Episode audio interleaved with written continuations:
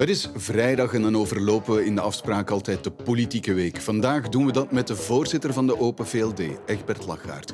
Met politicoloog Bart Maddes en met politiek journalist Bart Eekhout. Welkom bij de afspraak op vrijdag.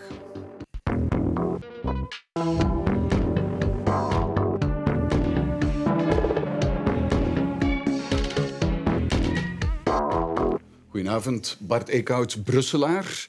En Brussel is in de ban van Good Move. Klopt. Circulatieplan, wat betekent, wat, wat houdt het eigenlijk in? Maar Good Move is eigenlijk een heel ambitieus, groot uh, mobiliteitsplan dat voor het hele gewest geldt. Het uh, bevat verschillende dingen. Het gaat ook over de investeringen in nieuwe tramlijnen, fietspaden.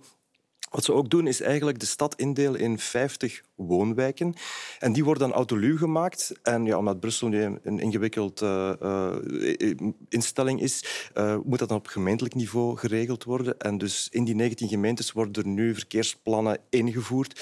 Ja, en dat loopt niet van een leien dakje, om het nee, voorzichtig te zeggen. Het heeft tot, tot rellen geleid, ja, onder meer in Schaarbeek, Schaarbeek, maar nog op andere plaatsen. Ja, het is niet de eerste keer. Ook al in, op andere plekken, onder andere in Anderlecht, zijn er betonblokken verplaatst waar dan fietsers tegenaan gereden zijn. Dus het is echt wel een ja, beetje agressieve uh, sfeer op verschillende plekken in de stad. Bent u zelf voor of tegen? E-, eerder, eerder voor, omdat ik... Ja, de rationele argumenten zijn natuurlijk wel heel erg sterk. Hè. Uh, wijken waar minder met de auto gereden wordt, zijn... Wijken die veiliger zijn, die properder zijn, die gezonder zijn, waar het ook aangenamer is, minder geluid. Dus ja, in, in, in, in dat opzicht ben ik voor. Maar ik vind wel dat er over het algemeen weinig empathie is, of te weinig empathie is, uh, voor de mensen die daar anders over denken. En ja, eigenlijk, ja, als Brusselaar, zoals je zegt, uh, dat intrigeerde mij al langer. Waarom van waar komt dat verzet? Waarom is dat juist in Brussel zo hevig?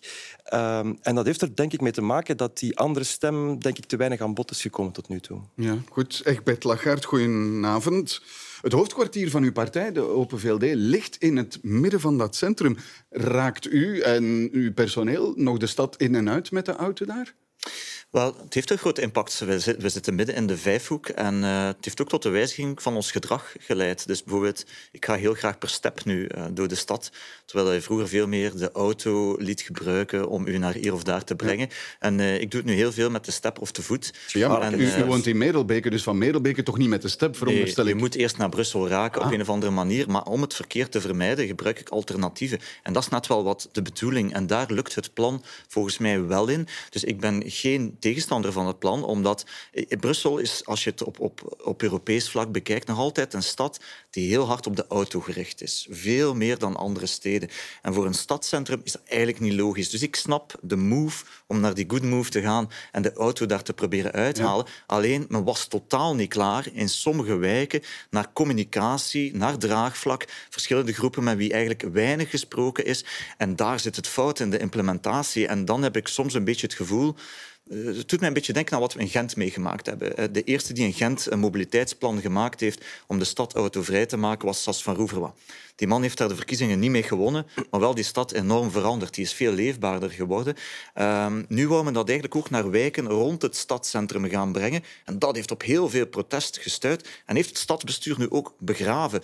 En daar voel je, als je buiten dat stadscentrum gaat, moet je wel zien dat het geen autopestbeleid wordt. Een soort dogmatiek die, die eigenlijk uh, een soort groene ideologie wordt, die meer anderen pest. En daar kan ik niet achter staan. En dat dat hevige reacties geeft, begrijp ik dan wel. Ja, goedenavond, uh, Bart Maddes. Ja, draagvlak creëren, daar gaat het hier voor een stuk in de twee reacties uh, al over. Mm. Um, heeft men hier gefaald in het creëren van draagvlak, volgens u? Kennelijk wel. Nu, men heeft wel een aantal inspanningen gedaan om de, om de mensen te informeren. Maar wat men denk ik onderschat bij zo'n plan, is de enorme impact die dat heeft op het dagelijkse leven van de mensen. Je hebt altijd winnaars en verliezers. Je hebt mensen die in een rustige straat wonen, die dan plots heel druk wordt. Uh, en omgekeerd, uh, je hebt mensen die gewoon ja, er half uur langer op doen of over doen of, of meer om naar hun werk te gaan. Dus het is echt de overheid die inbreekt in het dagelijkse leven. Veel meer dan op andere beleidsterreinen. Hè. Als er ergens iets verandert op vlak van fiscaliteit, oké, dat is iets relatief abstract. Hè. Um, dat heeft niet zo'n grote impact. En ik heb de indruk, dus die architecten die dat uittekenen, dat die daar te weinig rekening mee houden. En dan is natuurlijk de intrigerende vraag, dus die irritatie daarover, die zie je ook in andere gemeenten. Ook in, Leuven, het lussensysteem. Uh, ook, ook, ook dat leidt tot, tot protest. Maar dat blijft beperkt ja, tot, tot, tot relatief ja, bescheiden protest. Dus hoe komt dat, dat dan in, in, in Brussel, uh, dat dat tot zo'n hevig protest leidt? Tot echt Laten we het aan de, Brussel, ja, aan de Brusselaar vragen. Hoe komt dat Brussel inderdaad de rellen hebben we niet in Gent meegemaakt. Protest was er wel degelijk, maar niet op die manier. Wel, ik denk dat um, dat, het rationele idee van ja, het gaat over uh, gebruikscomfort dat mensen verliezen, dat volstaat volgens mij niet als verklaring daarvoor. Inderdaad. Het is ook een emotioneel aspect. Ik heb het eigenlijk pas beseft toen ik uh, op Outloze Zondag zie in Brussel, dat eindigt om zeven uur s'avonds, en dan zie je om vijf voor zeven mensen hun auto lopen en dan met de contactsleutel in de hand klaarzitten tot het klokslag zeven uur is om met die auto te kunnen beginnen rijden. In het begin, ja, dat, dat verbaasde mij of dat, dat, dat verontwaardigde mij ook. Ik dacht van, kunnen ze nu even geen, geen, geen één dag zonder auto? Maar dan besef je dat die auto eigenlijk op een manier symbolisch deel uitmaakt van mensen, hun, hun, hun, hun levensstijl. Dat eigenlijk mijn auto, mijn vrijheid? Wel, is het dat klassieke gegeven? Het protest zit voor een stuk bij een soort, wat ik zou noemen, een, nieuwe, lagere middenklasse met heel veel dromen over sociale vooruitgang. En die auto maakt op een symbolische manier deel uit van, van, van, van, van die vooruitgang. Eindelijk hebben ze kunnen sparen voor een auto en dan plots komt er een gemeentebestuur of komen er andere mensen in de wijk zeggen van ja, we gaan stoppen met de auto te rijden, we gaan de fiets pakken. Ja, de, de minister-president van Brussel, uh, meneer Vervoort, zegt nu op plaats waar er spanning is, ja, is het misschien beter om even een stapje achteruit te zetten. Maar dat is bijna aanzetten tot, laten we maar verzet plegen, dan wordt het niet ingevoerd. Hè? Mm Ja, één, de emotionaliteit is heel juist. Ik doe zelf af en toe eh, of regelmatig huisbezoeken. En als je deur aan deur bij mensen gaat, overal, thema nummer één is verkeer en mobiliteit. Dat ligt bij ongelooflijk veel mensen gevoelig. Of dat het per se is dat iemand die in de stad woont echt nog die auto wil, eerlijk gezegd moest ik zelf in de stad wonen en werken. Ik zou mij misschien geen auto meer kopen. Maar, oproepen om nu te zeggen, laten we maar terugkrabbelen omdat er verzet is, is eigenlijk toegeven aan het verzet. Dat is eigenlijk toegeven dat je het niet goed voorbereid hebt. En natuurlijk, hier bots je op de complexiteit van Brussel. Want dat die stad, uh, onze enige grote troef in de wereld als bekende stad, dat die, uh, dat die zo complex bestuurd wordt met een gewest die een plan maakt, dat moet uitgevoerd worden door al die, door die stad, die gemeenten daar rond. Uh, eerlijk gezegd, voor de volgende verkiezing hoop ik één ding. Wij zijn samen met MR een plan aan het schrijven over de toekomst van Brussel, over de communautaire grenzen heen, omdat deze stad echt moet geherorganiseerd worden, dat je zaken uitvoert. Maar de MR leidt het verzet tegen en u zegt, ik ben er eigenlijk voor. Ja, daar gaat uw plan. Natuurlijk moest MR in de meerderheid zitten, ze dan misschien anders naar kijken. Dat is nu eenmaal zo als je in de oppositie zit en iets brengt veel emotie mee. Maar dat de uitvoering in sommige gemeenten redelijk dogmatisch geweest is door schepenen die eerlijk gezegd allemaal door groene, post, door groene politici eh, bezet zijn, ja, dat is redelijk dogmatisch doorgevoerd. Plots in de straat verschijnen daar betonblokken met een heel povere dus communicatie u wijst naar groen en ecolo, vermoed ik, in Brussel. Ja? Ik ben voor een vooruitstrevend mobiliteitsbeleid, maar niet om mensen te pesten. Hè. Dus doet, mensen, die geen, groen wel, mensen die geen alternatieven hebben, die niet uit hun straat raken, sorry, maar dat is inderdaad wel, dat gaat in de richting van een pestbeleid.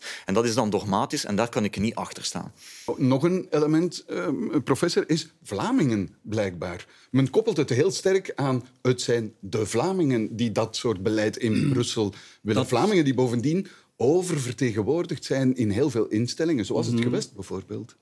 Ja, dat, dat, dat verneem ik ook. Nu, dat is omdat natuurlijk ook groen de drijvende kracht is, hè, met eh, minister Van den Brande. Elke en Groen is de grootste partij aan Vlaamse zijde. En groen, ja, samen met Ecolo, uh, is ook een belangrijke politieke kracht um, in, in, in, in Brussel. Um, nu, ik, ik, ik, hoor meneer Lagarde graag pleiten voor een soort staatshervorming in Brussel.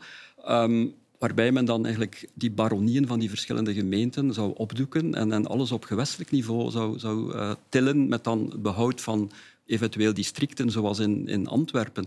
Um, wat dan inderdaad ook wel goed zou zijn voor de Vlamingen, hè, omdat die oververtegenwoordiging waar u het over hebt, uh, dat is natuurlijk op gewestelijk niveau. Op gemeentelijk niveau is die er niet. Ja, stellen, hè, op, op, stellen Vlamingen veel minder dus voor. Een gegarandeerde vertegenwoordiging van de Vlamingen in het Brussels parlement en ook in de Brusselse regering. Maar dan ja, zou het natuurlijk vanuit het standpunt van de, Brusselse, de, de Franstalige Brusselaar nog erger worden hè, met die dominantie van de Vlamingen. Maar bon, voor mij niet gelaten. Oké. Is het zo dat men naar de Vlaming kijkt? Ja, maar dat is niet alleen een politieke kwestie. Le Flamand is eigenlijk bijna een soort scheldwoord geworden, een geuzennaam op zijn minst, waarmee eigenlijk uh, zelfs mensen worden aangesproken die niet eens Nederlandstalig zijn. Maar er wordt eigenlijk een soort um, ja, ze hebben dan een beeld voor ogen van ja, hoger opgeleide, jongere, witte, blanke gezinnen die uh, de oude wijken terug herontdekken.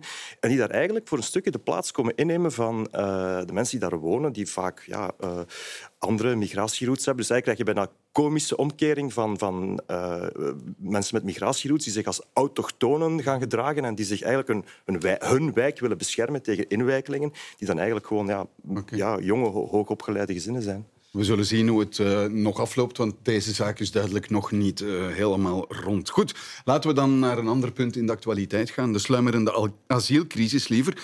En die confronteert de federale regering duidelijk met opvangcapaciteit. Deze week heeft de staatssecretaris voor asiel en migratie, Nicole de Moor, wel bijkomende opvangplaatsen kunnen bekomen. En die komen er in twee gemeenten, in Franstalig België, in Glons en in Jabbeke in West-Vlaanderen. Zeer tot ongenoegen van de burgemeesters die hardop protesteren.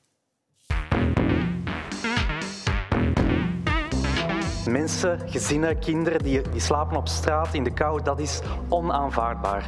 De tijd van praten, van ellenlange voorbereidingen, die moet nu stilaan voorbij zijn. We rekenen op u en de hele regering voor onmiddellijke oplossingen. Waarom moet dat terug weer Jabbeke? Er zijn zoveel plaatsen wat er nog plaats is. En wij, wij hebben wel een deal voor die 150 uh, eh, mensen die naar het gesloten asielcentrum komen. Ik vind dat toch al dat we ons, ons, uh, in het zakje doen. Ik begrijp dat er vragen zijn bij de lokale besturen. En we moeten met die bezorgdheden van de lokale besturen ook rekening houden. We hebben trouwens onmiddellijk contact opgenomen met de betrokken burgemeesters en ik zal met hen in dialoog blijven gaan. Maar u moet erbij zeggen waarom dat u nu plekken moet bijcreëren. Omdat u 31.000 plekken vol liggen met de helft alleenstaande mannen en de helft asielbedriegers. Gezien er in bepaalde steden geen grote opvangcentra gebouwd kunnen worden of ter beschikking staan, moet men meer te landen oplossingen zoeken. En dan weigeren die burgemeesters dat daar omdat dat slecht ligt. Er zijn in 2024 ook lokale verkiezingen en die burgemeester wil dat gewoon niet uitleggen aan hun burgers. En zo rij je dat natuurlijk helemaal vast. Ja, meneer Lagarde, hebt u begrip voor uh, de burgemeesters die protesteren? Ja, omdat uh, het is niet de eerste keer dat we dat tegenkomen. Ik heb zelf in mijn eigen partij ook burgemeesters die bijvoorbeeld burgemeester zijn in een gemeente, 4000 in een dorpskern inwoners, en er komt plots een asielcentrum van 400 mensen. Allicht dat mensen schrikken. Hè. In eerste instantie dat daar heel moeilijk mee hebben, veiligheidsvragen hebben.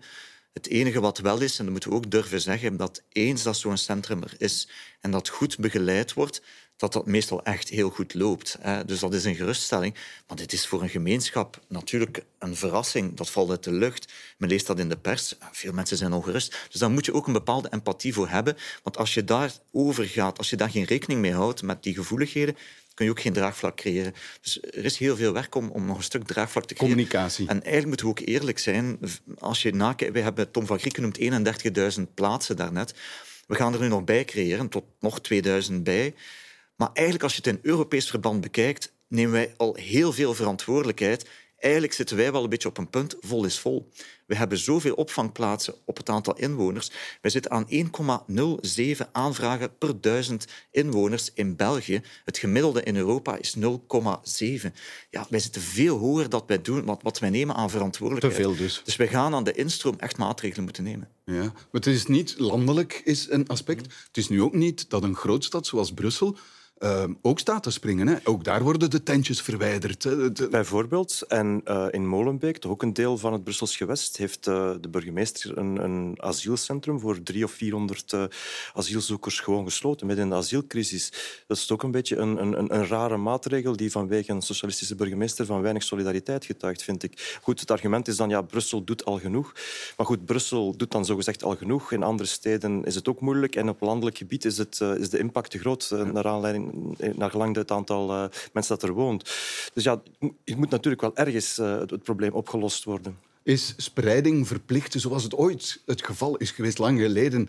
Is dat dan een oplossing voor die crisis, die, of dat crisismoment dat we nu beleven? Wel, wat, wat mij eigenlijk vooral verbaast, is dat er eigenlijk geen plan is. Hè Um, uiteindelijk, de, de asielcrisis, eh, de eerste asielcrisis dateert van 2015, dus ondertussen al zeven jaar geleden. Je hebt de indruk dat er ondertussen niets, niets gebeurd is. Hè. Je zou toch verwachten dat de overheid ondertussen heeft gewerkt, zou hebben gewerkt of zou moeten hebben gewerkt aan een buffercapaciteit. Hè, dat men dat in kaart zou hebben gebracht. Hè. Dus wat zijn de plaatsen waar men die, opvang, die extra opvang kan organiseren als er een nieuwe asielcrisis is? Hoe kunnen we dat op een redelijke manier spreiden over de gemeenten? Uh, iets meer in een grotere gemeente, kijken naar de draagkracht van de, van de gemeente. Dus nu heb je eigenlijk het gevoel dat er een soort vogelpiekspelletje wordt gespeeld. Dus dan, dan de ene keer landt men dan in die gemeente en dan een andere keer in een andere gemeente. Hoewel in Jabbeke het toch wel zo is dat er blijkbaar een afspraak was gemaakt dat, dat Jabbeke als bijdrage tot de problematiek uh, een gesloten centrum zou krijgen en, dat het, en dat het dan zou gedaan. Dat was een afspraak met de vorige uh, staatssecretaris Medi en dan, die blijkbaar niet wordt gehonoreerd door de nieuwe staatssecretaris. Ja, dus, dus dat, regering. Toch... Het verschil van staatssecretaris zou zelfs geen verschil mogen maken. Je zit nee, er zou moeten een plan zijn, zodanig dat ook de burgemeesters weten waar ze aan toe zijn. Dat ze weten van, kijk, in mijn gemeente, dat is de, de duit die wij in het zakje doen. In mijn gemeente heb ik dat opvangcentrum. Um, ik moet mijn, mijn, mijn burgers daar ook op voorbereiden. Hè. Ik moet daar inderdaad draagvlak voor creëren. Maar nu is dat zo precies een bliksemschicht die op die gemeente terechtkomt. En, en, waar natuurlijk niemand op voorbereid is, dan moet je er ook niet over verbaasd zijn dat die burgemeester protesteert. Hoe, hoe, komt dat? Want inderdaad, we zien dit al een tijdje aankomen. Hè. We roepen al een tijdje van er zijn te veel en we hebben geen plaatsen. Hè. Dus mm. het is niet dat je nu moet improviseren eigenlijk. Nee, maar één, volgens mij hebben we echt wel voldoende plaatsen. Dat denk ik dat eigenlijk niet het probleem is als je kijkt op het aantal inwoners in België, in heel Europa doen wij al gigantisch veel aan plaatsen. Het probleem is toch wat anders dan daarnet geschetst. want met alle respect, meneer Achard, dat is een theoretische... Nee, er slapen mensen op straat. Er slapen mensen op straat, dan kan je toch niet argumenteren maar dat je kan niet, plaatsen kan niet aan 11 miljoen Belgen vragen om iedereen op te vangen. In Europa is men niet solidair. Er zijn landen die op een maand tijd 40 asielaanvragen hebben op 20, terwijl wij er dan duizend hebben, of, of, of dat nog stijgt. Dat is gewoon niet proportioneel binnen Europa. Juist, De regels binnen Europa worden ook niet gerespecteerd. Okay, men zou moeten asiel vragen in het land dat men binnenkomt. men doet dat niet. Komen naar hier. Er slapen mensen op straat. Dan kan je toch niet tegen die mensen argumenteren. Ja, uh, we hebben onze capaciteit al gehaald. Ja, maar Tegenover die mensen zijn dat, geen argumenten. Dat know, maar, maar, dat is natuurlijk een zelfbestendigend verhaal. Want als we gaan zeggen, we creëren altijd maar plaatsen bij, komt er altijd maar meer mensen. Dit is gewoon niet eerlijk in de Europese context. Dus er moet een Europese solidariteit ontstaan of wij gaan andere maatregelen moeten nemen. Twee, wat die burgemeesters betreft, is toch niet juist. Vaak heeft men gewoon het ongeluk dat men in een gemeente of een stad zit waar toevallig een militaire kazerne is die leeg staat. Ik geef het voorbeeld van Kokzijde, de, de, de luchtmachtbasis die daar is. Die staat leeg. Die hebben het ongeluk, of dan ongeluk, in zover dat je dat zo kunt noemen, dat daar heel veel plaats is. Natuurlijk, wat heb je dan in het verleden? Theo Franken, Sami Medi, die gaan met die burgemeester in, in overleg. We gaan mensen daar plaatsen, maar we beloven nu, binnen twee jaar is dat gedaan. Maar natuurlijk, dan komt er een nieuwe flow en kun je dan niet voorspellen, moet je die plaats toch weer innemen. Dus het is het ongeluk van bepaalde infrastructuur op je grondgebied te hebben. Er is ook geen solidariteit onderling. Hè. Men probeert er zo snel mogelijk uh, vanaf te raken. Dus op zich, we zijn voorbereid qua aantal plaatsen. Ik wil wel nog een ander probleem duiden. Van die 31.000 plaatsen, er zijn op dit moment heel wat Afghanen die in een procedure zaten waar sinds vorig jaar geen enkele beslissing meer genomen is. Deze week is dat bekend geworden. Bijna 9000 beslissingen over Afghanen kunnen nu genomen worden. Tweederde daarvan zal geen asiel krijgen. Maar die zitten wel vandaag in die plaatsen, omdat door de situatie in Afghanistan je met die mensen geen beslissing kon nemen tot hiertoe. Dat is een gigantisch aantal dat de komende maanden wel kan uitstromen uit dit verhaal. Dus er zijn oplossingen mogelijk. Er zijn oplossingen mogelijk, maar mensen slapen nog altijd op straat. Ja, en wat meneer Lachart eigenlijk bijna toegeeft, is dat die dakloosheid eigenlijk bijna onderdeel is van het beleid, omdat je op die manier mensen afraadt om, om naar België te komen. Dat je dan ziet van, kijk, hier eindig je op straat. Trouwens, wat die Afghanen betreft, ik wil nog zien of daar een oplossing uh, mogelijk is, want dat betekent dat we uh, afspraken moeten maken met de Taliban om die mensen terug op te nemen in hun land. Dat lijkt me ook geen eenvoudige klus. Dus de kans bestaat dat die mensen misschien wel verdwijnen uit asielcentra, maar dan vervolgens toch in de illegaliteit in, in hun eigen land terechtkomen. er wordt elke keer naar Europa gekeken, maar ook daar gebeurt er niets in die mate dat het ons kan helpen.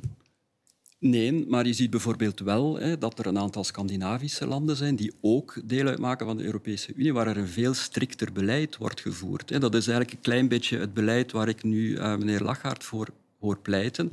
Um, om gewoon ja, afgewezen asielzoekers uh, veel sneller uh, terug te sturen. Waarheen? Um, Waarheen? Wel, ik bedoel, als je Afghanen naar Afghanistan terugstuurt, je gaat daar een akkoord moeten over Ja, hebben. maar bijvoorbeeld ook die Scandinavische landen zeggen asielzoekers, dus die, die verblijven, die als ze asiel krijgen, dat is dat tijdelijk. Maar als de situatie in hun thuisland opnieuw veilig is, dan moeten die terugkeren. Dus een strenger daar, beleid. Een strenger beleid, ja. En dat kan blijkbaar in die Scandinavische landen, die ook lid zijn van de Europese Unie, die dezelfde verdragen hebben ondertekend als, als België. Dus waarom kan dat daar en niet hier? Dat is eigenlijk de vraag. Volledig eens, omdat dus bijvoorbeeld in Afghanistan natuurlijk met de Taliban is een regime waar we op zich geen zaak mee willen. Maar het is niet omdat zij daar aan de macht zijn dat heel het grondgebied van Afghanistan onveilig is Ja. en dat mensen recht hebben op asiel. Maar Men hoe, dacht ga- dat hoe tot gaat u het wel. concreet doen? U kan ze toch moeilijk op een vliegtuig sturen naar Afghanistan, wetende dat ze daar gewoon niet ontvangen worden. En, en je kan toch geen mensen dat buiten de samenleving eh, zetten. Dus zo evident is het niet. Nee, nee maar allee, meneer De Vadder is natuurlijk al één probleem. Waarom zitten die hier? Hè? Ik bedoel, je moet ook eens kijken, in de Dublin-conventie hadden die misschien ook wel in een ander land moeten zitten waar Europa zijn verantwoordelijkheid Oké. had moeten nemen met het land van binnenkomst. Reizen naar hier worden afgewezen. Het eerste is plaats vrijmaken in de asielcentra. Oké, dat is zo- eerste. Dat is het eerste. Het tweede is kijken, kun je inderdaad repatriëring doen? Maar dat is een debat nadien. Maar de eerste discussie is nu, er slapen inderdaad mensen op straat, ook kinderen. Trouwens, kinderen moeten niet op, slaap, op, op straat blijven. Die moet je sowieso altijd ergens opvangen. Maar volwassenen, moet je, er zijn heel veel niet begeleide minderjarige jonge mannen eh, die naar hier komen. Dat is toch iets anders. Hoe meer capaciteit dat je creëert, hoe groter dat je Hoe gaat het u probleem die gaat, eh, instroom beperken? Dat is onder meer wat u gezegd heeft Ja. op uw congres Liberaal eh, Vuur. We gaan de instroom beperken. Oké, hoe- wat, wat doet u dan concreet? Er zijn een aantal eh, zaken die toch een aantal eh, effecten hebben naar aanzuigen. Eh, blijkbaar blijkt er toch een, eh, een hele grote groep te zijn niet begeleide minderjarigen. We kunnen dat niet controleren of ze minderjarig zijn, maar die net 17 zijn, dus geen, geen 18. En die komen naar hier en die krijgen dan bijvoorbeeld een, een schooltoelage. Dat is 3400 euro. Eh, dat is zevenmaal het gemiddeld inkomen in Afghanistan. Daar wordt druk uitgeoefend op die mensen om dat geld terug te sturen. Er zijn clandestine man- mensenhandelaars die misbruik maken van dat soort mensen. Er zijn een aantal circuits die in de statistieken oververtegenwoordigd zijn en waar we iets moeten aan doen. Dus mijn ministers, Bart Somers een- en Vincent van Quickenborne leggen op tafel dit moet aan de instelling, aan de school liggen op tafel of hebben stopt. beslist? Men is dat aan het beslissen. Het is een Vlaamse materie. Bart Somers legt dat op tafel. Wij hopen dat de Vlaamse regering dat in natura gaat betalen aan de scholen waar dat, dat geld voor Maar bedoeld u maakt is. deel uit van de regering. Waarom zegt u dan wij hopen? Wel, ja, we hebben het op tafel gelegd. Ik vermoed wel dat het zal goedgekeurd worden. Dus, eh, Ja, en ook ja. waarom is dat al niet veel eerder gebeurd? Dat is nu iets dat opduikt hè, in de media. Dat is dus die, die, die 350 euro, die groeipremie aan, aan eh, minderjarige asielzoekers. Dat wordt dan gebruikt om mensensmokkelaars te betalen, zegt men. hè. Dat is dus een belangrijke poolfactor. En nu duikt dat plots op, hè, terwijl het al zo lang is. En trouwens blijkbaar ook niet in Wallonië. Dat is typisch iets voor, voor, voor Vlaanderen. Dus je hebt de indruk dat dat zo een, een, amateuristisch beleid is. Hè. Er, er duikt een probleempje op hè, en dan moet men dat, dat fixen. Maar er is geen, geen plan, er is geen, geen, geen brede strategie. Ja. Hoewel dat probleem, ik zei het daar straks al, eigenlijk bezig is sinds 2015.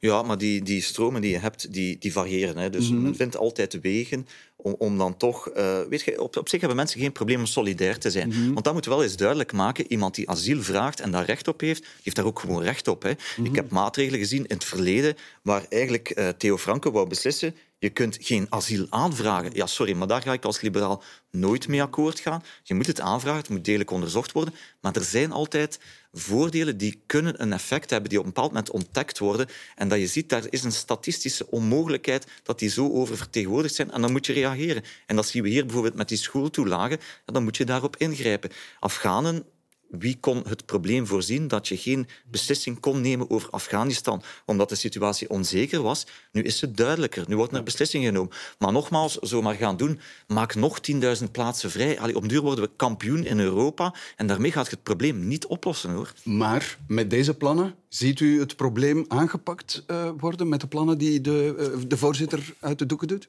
Ik, ik, ik ben op zich niet tegen het, het, het, het aanpassen van die schooltoelagen. Maar ik denk dat migratiestromen altijd de weg van de minste weerstand volgen. Dus nu is het dit, volgende keer zal het iets anders zijn. En zo beweegt die, migratiestroom. Misschien zal dan, dan de druk dat wat harder op Nederland komen of op Oostenrijk en dan weer terug bij ons. Dus structureel is dat probleem niet opgelost. En dan denk je dat je toch moet kijken ja, naar een soort, ik zal het een coalition, coalition of the willing in Europa noemen, want met de hele Europese Unie een akkoord vormen over migratie, dat wordt een moeilijke, denk ik. Dat wordt steeds moeilijker. Maar met toch een aantal landen die in hetzelfde schuitje zitten als ons, onze buurlanden, Denemarken, Nederland, noem maar op, uh, om toch ja, een soort legale, beperkte migratiepoort te openen. Dus. Strenger dus. Nee, eigenlijk niet. Een, een echte, naast asiel, een echte migratiepoort voor, uh, ja, zoals een beetje het Canadees model, met quota. Ik heb er geen flauw idee of, of dat nu de, de Dan gaat het over arbeidsmigratie, heel duidelijk. Hè? Je vraagt dan wat in Canada gebeurt. Wij hebben mhm. dat soort profielen nodig en die mensen mogen binnen. Hè? Ik denk dat dat een interessante uh, debatstart zou kunnen zijn. Ja. ja. Mhm. Maar dat is op langere termijn misschien een oplossing. Op korte termijn, ik vraag het u nog eens, hoe ga je mensen, want dat is de tweede, je kan de instroom proberen te beperken. Mhm. Hoe ga je mensen het land uitzetten? Dat wordt ook al zo lang gezegd, maar is echt niet evident. Mm, I know, maar ja, goed, dat is een, uh, moet je natuurlijk verdragen oversluiten. Je, je kunt sommige landen, er staan ook voorstellen rond om sommige landen te belonen, bijvoorbeeld in een systeem van economische migratie, waar mijn partij ook voor is. We hebben vorige week een uh, congres gehad rond samenleven.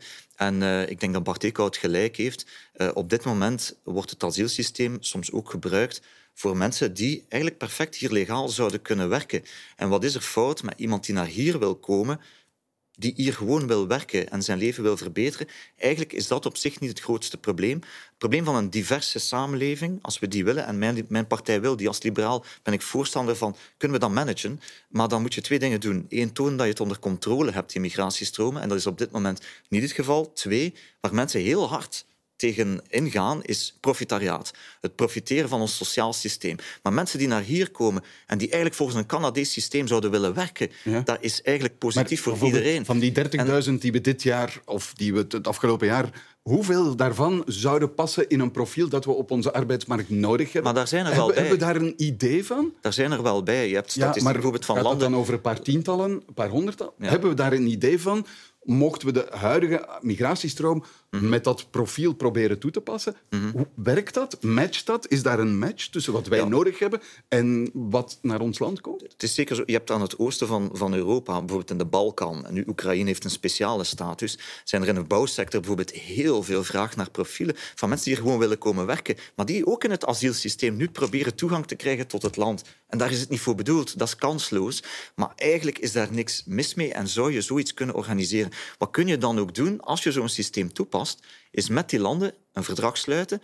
Als, je daar, uh, als jullie op terugname van mensen goed meewerken, dan kun je wel op een legale manier mensen naar hier sturen die willen bijdragen aan de samenleving. Dat zijn bijvoorbeeld akkoorden die je zou kunnen sluiten. Dus de piste die daar op tafel gelegd wordt, is een interessante om te onderzoeken. Voor de huidige crisis hoor ik eigenlijk maar één oplossing. Dat is een afschrikkingsbeleid waarbij mensen op straat kunnen blijven slapen vanuit een idee dat schrikt degene die nog moeten komen af. Nee, niet echt. Allee, ik heb u net gezegd, we hebben 31.000 plaatsen. Er zitten 9.000 Afghanen in op dit moment, ja, waar nu een beslissing over genomen wordt. Je zit nu met een tijdelijk probleem. Personeelsbezetting, plaatsen ze maar wegkrijgen, meneer Lachaert, die 9000? Meneer De Vadder, uit die opvangplaatsen gaan ze sowieso weg als er een beslissing genomen is over hun asielprocedure. maar dan eindigen ze in illegaliteit. Dan, dan ga je geen bad, bed uh, meer aanbieden en die plaatsen komen vrij. En hoe ze dan moeten repatriëren is een discussie inderdaad met verdragen die je moet sluiten. Maar die gaan uit die plaatsen. Ja. En waar gaan die 9000 dan naartoe volgens u, meneer maar, Sorry, ik ben niet de staatssecretaris voor asiel en migratie, meneer De Vadder. Daarvoor moet u die uitnodigen. Maar die, zullen, die zullen moeten maar dat, dat is een beetje een beleid met een ogen dicht. We, we, maken 9000 plaatsen, maar waar die dan heen gaan, dat weten we. Maar wij maken geen 9000 plaatsen, meneer De Vadder. Ze komen automatisch vrij.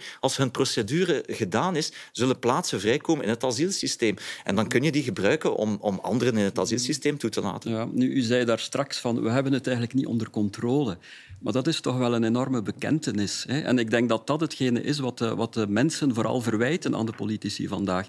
Dat ze de zaak niet meer onder controle hebben, hoewel dat natuurlijk een kerntaak is van de staat, de interne en de externe veiligheid. Je moet je grenzen controleren. Je moet als overheid kunnen beslissen wie laten we toe, wie mag er lid worden van de Europese bevoegdheid geworden, hè, professor? Ja. ja. maar dan zie je dat andere landen wel in staat zijn om daar een duidelijk beleid uh, in te voeren, ook binnen die Europese context. Ah, ik... En, en het, het, het, grote probleem is ja, dat, dat je de indruk hebt dat men de trappers kwijt is. Hè. Dus dat het, het, het is een, een, men wordt voortdurend geconfronteerd met, met allerlei incidenten. Een aantal jaren geleden waren het dan die transmigranten. Men wist niet hoeveel, hoeveel dat er waren. Maar je, je kunt geen beleid meer voeren als, als overheid, terwijl, terwijl dat zo essentieel is. Sorry, maar... toch, toch nog iets zeggen over, over, over die, die, die instroom en waarom we nu een crisis hebben. Niet alles is per se de schuld van België, denk ik. Hè. Uh, we moeten ook niet naïef zijn. Uh, we, Europa wordt omringd door een aantal autoritaire regimes mm -hmm. die eigenlijk migratiestromen aan het inzetten zijn als een wapen. Ze draaien een kraantje open, ze draaien een kraantje een beetje dicht. Zo werkt meneer Erdogan in Turkije. Zo wil meneer Poetin ook werken uh, vanuit Rusland.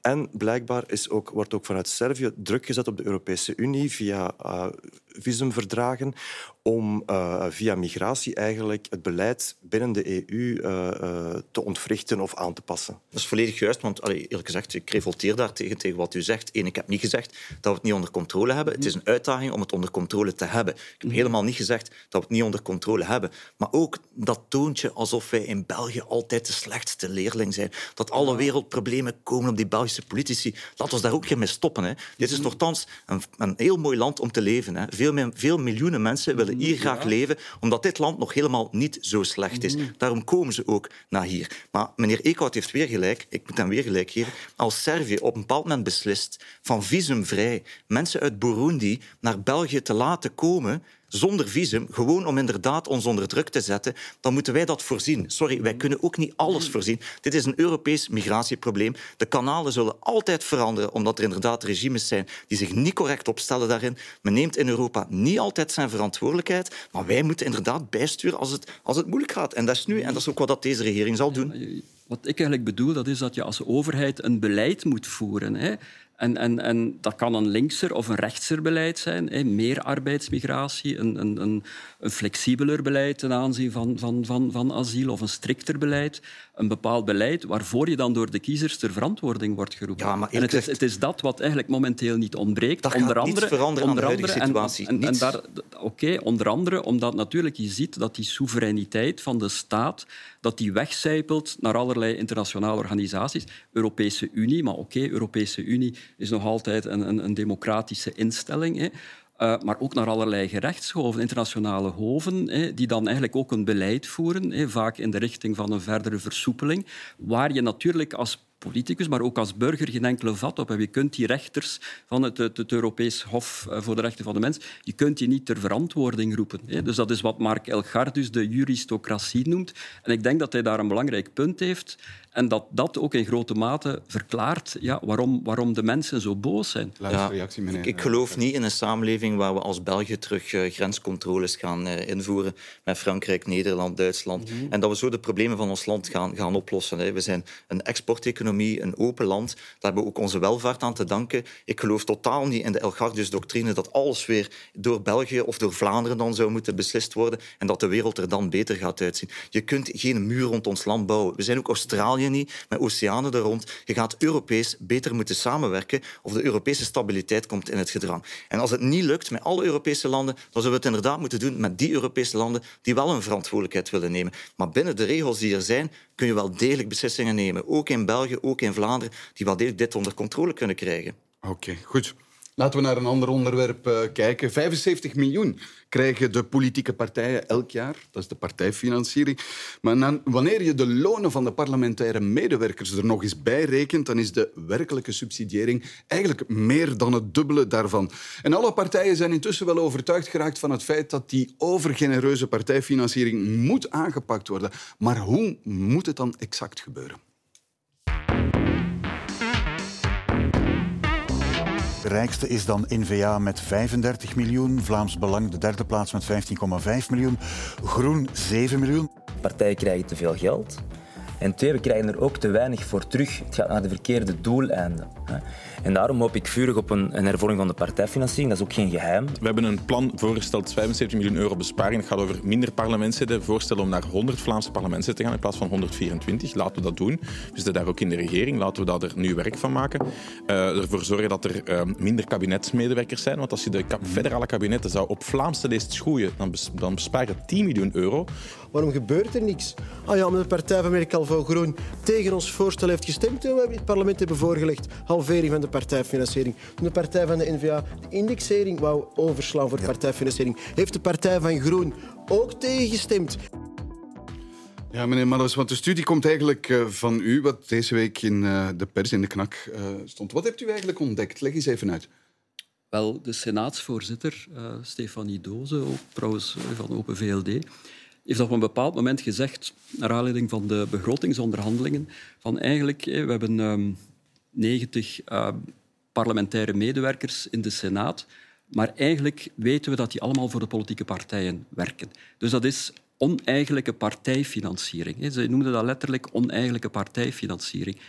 En dan hebben wij ons eens afgevraagd van, ja, of, of onderzocht hoeveel die oneigenlijke partijfinanciering dan eigenlijk bedraagt. Of er nog meer zijn dan die 90 van de Senaat. Ja, dus we hebben al de negen Belgische parlementen bekeken, al de begrotingen onderzocht van al die parlementen. We hebben eigenlijk gekeken wat, is de, wat zijn de personeelskosten voor die parlementaire medewerkers. We hebben ook geteld van hoeveel parlementaire medewerkers zijn er per partij. En dan komen we uit ja, op, het, op het bedrag van duizend, iets meer dan duizend parlementaire medewerkers die samen iets kosten in de orde van 85 miljoen euro. En als je dat dan inderdaad, zoals de senaatsvoorzitter zegt, moet beschouwen als oneigenlijke partijfinanciering, dan moet je dat bijtellen bij de partijfinanciering die we al kennen, dus de partijfinanciering in geld, vooral dotaties en fractiesubsidies. En dan kom je tot een bedrag van 160 miljoen euro. Ja, te veel, zegt uh, elke partij. Ook dit fenomeen, want het is uh, uw partijgenoten die, die het signaleerden. Hè?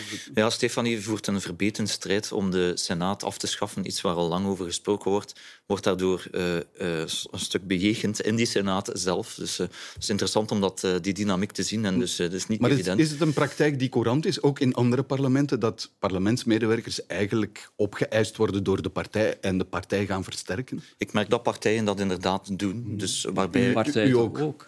wij heel weinig. Dus bij ons hebben parlementsleden echt wel hun eigen medewerker. Ik zie partijen die hun parlementsleden hebben geen enkele medewerker niet meer. Dus het enige wat er zijn toch doet... 18 parlementaire medewerkers die in uw studiedienst werken. Ja, onder uw, gelukkig, onder hè. uw leiding. Dus Gelukkig. niet onder leiding van de fractievoorzitter, maar onder u. En vindt u dat ik vind verkeerd? dat wel verkeerd. Als belastingbetaler heb ik daar een probleem mee. Want die dat, mensen, die mensen worden betaald met mijn belastingsgeld om de parlementaire werking te ondersteunen. Om die- inhoudelijke ondersteuning te leveren in het parlement. Ja.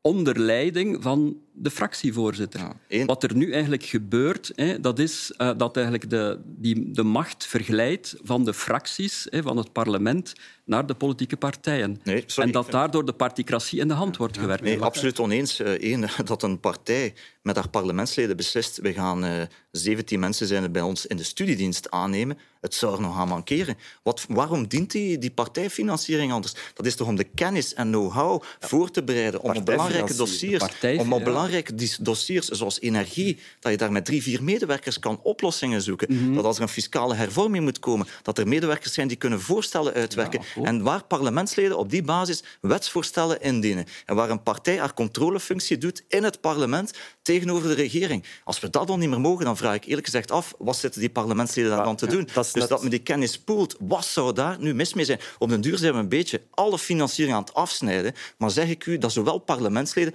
politiek, totaal tandeloos wordt, waardoor we ook onze functie niet meer kunnen. Maar dat is natuurlijk net het punt van, van professor Maddes. Het zou heel erg wenselijk zijn zelfs, mocht u uh, de, uw deel van de 75 miljoen euro die u krijgt voor uw partijfinanciering, mocht u die inderdaad inzetten om uw uh, studiedienst te bestaffen. Dat zou, dat zou fantastisch zijn. Ja. Maar niet het geld dat, dat bedoeld is om, om, het om, om het parlement te laten werken. Maar dat daar hebben wij geen geld genoeg voor. Allee, eerlijk gezegd, ik weet niet hoe u denkt. U heeft dat net, daarnet de statistiek gezien. Hè. Mijn partij is een van de minst rijke partijen. Zal ik u een ander element van partijfinanciering noemen?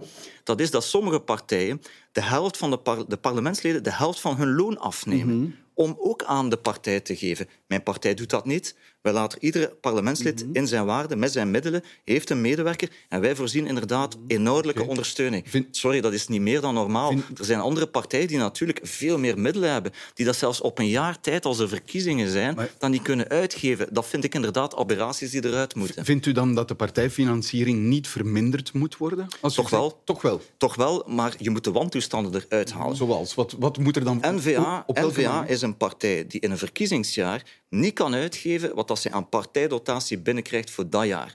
De andere jaren spaart hij dat op en wordt die immobiliummakelaar. Om- doet u dan grote Omdat u hen dat geld heeft toege- ik heb toegestaan. niks gegeven. Ik ben twee jaar voorzitter. Ik geef geen geld aan anderen. Mhm. ik, het systeem moet je aanpassen. Het dient om inhoudelijke ondersteuning te geven. Ja. Om een partij degelijk te kunnen organiseren en uw parlementsleden te ondersteunen. Als je daar buiten gaat, vind ik dat je dat moet cappen. Dan moet je dat stoppen.